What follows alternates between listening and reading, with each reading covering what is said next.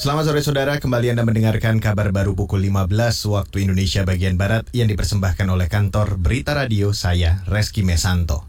Pemerintah mengaku tidak bisa mencabut rancangan Undang-Undang Haluan Ideologi Pancasila atau RUU HIP. Alasannya, menurut Menteri Koordinator Bidang Politik Hukum dan Keamanan atau Menko Polhukam Mahfud MD, RUU tersebut merupakan usulan DPR. Nah, masalah proseduralnya supaya diingat bahwa rancangan undang-undang itu adalah usulan dari DPR.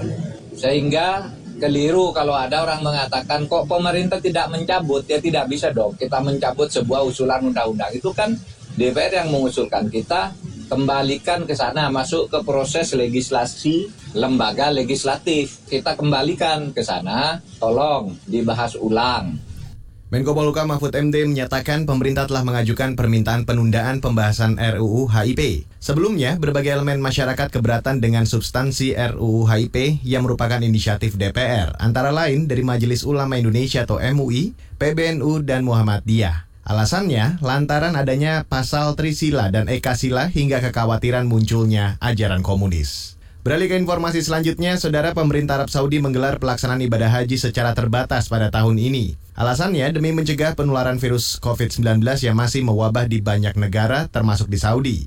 Namun, pembatasan itu dikeluhkan salah satu biro travel haji dan umroh di tanah air. Manajemen Khazanah Tour and Travel M. Anno Herlino berharap otoritas Arab Saudi bisa memberikan kuotanya kepada Indonesia meskipun sedikit. Pemerintah jika memang dari nanti dari Kementerian Saudinya memberikan kuota uh, khusus ataupun uh, tidak seberapa banyak, ya alangkah baiknya nanti untuk program-program haji, jamaah-jamaah haji yang khususnya untuk program jamaah haji khusus bisa diberangkatkan.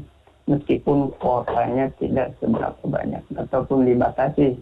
Manajemen Kasanah Tour and Travel M. Ano Herlino menambahkan, belum ada jemaah yang menarik uangnya pasca pembatasan penyelenggaraan ibadah haji dari Arab Saudi. Sebelumnya, pemerintah memastikan pelaksanaan ibadah haji 2020 ditiadakan akibat pandemi virus corona yang melanda Indonesia maupun Arab Saudi. Namun, kemarin pemerintah Arab Saudi memutuskan penyelenggaraan haji tahun ini tetap digelar namun terbatas. Beralih ke informasi dari luar negeri, Korea Selatan tengah menghadapi gelombang kedua virus corona. Juru bicara otoritas Korea Selatan Jung Eng Kyong mengatakan, gelombang kedua pandemi dimulai sejak liburan Mei lalu dengan 46 tambahan kasus baru. Dengan penambahan itu, total kasus corona di Korsel mencapai lebih dari 12.000 orang, di mana 30 di antaranya berasal dari orang-orang yang datang dari luar negeri. Lonjakan kedua kasus COVID-19 dilaporkan terjadi pada akhir Mei. Sebagian besar infeksi berasal dari kawasan metropolitan Seoul yang padat penduduk. Pemerintah Korea Selatan juga kembali menerapkan sejumlah pembatasan sosial. Demikian kabar baru KBR, saya Reski Mesanto.